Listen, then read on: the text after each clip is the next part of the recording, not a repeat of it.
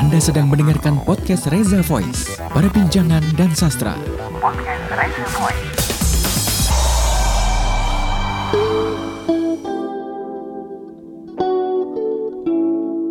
Halo pendengar podcast, jumpa lagi di podcast Reza Voice dan ini bisa Anda simak melalui channel YouTube Reza Voice dan juga beberapa platform dari podcast seperti Anchor, Spotify, Google Podcast dan juga Apple Podcast serta beberapa platform podcast lainnya.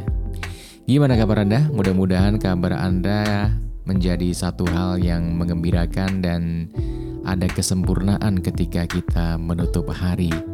Meskipun kadang-kadang selain kita menjalankan sebuah peran dari skenario yang kita tulis sendiri sebagai sebuah pilihan untuk hidup menjadi lebih baik, kadang kita terjebak dalam satu skenario orang lain di mana kita dengan terpaksa harus memainkannya. Tapi apa pun itu, tentu saja kita memiliki sebuah pilihan untuk tetap berada dalam skenario yang kita buat.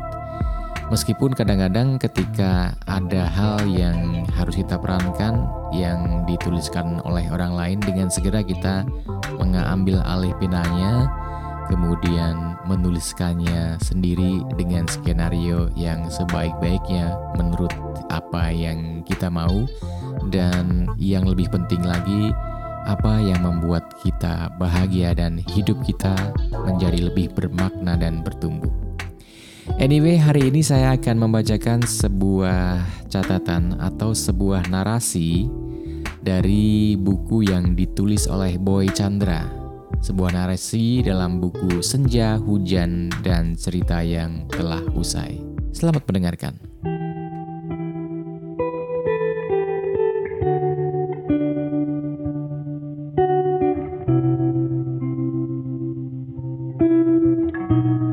Boy Chandra, Senja, Hujan, dan Cerita yang Telah Usai.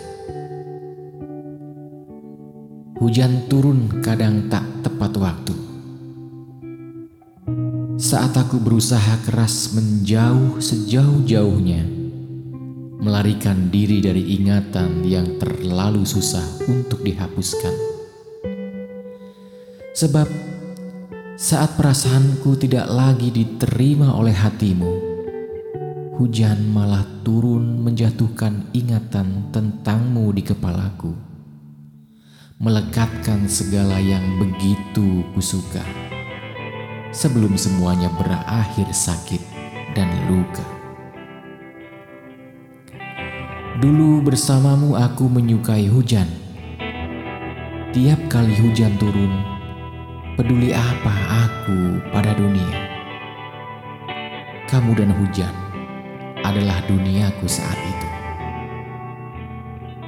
Namun kini semuanya berbeda hujan tak lagi kita, hujan tak lagi cinta.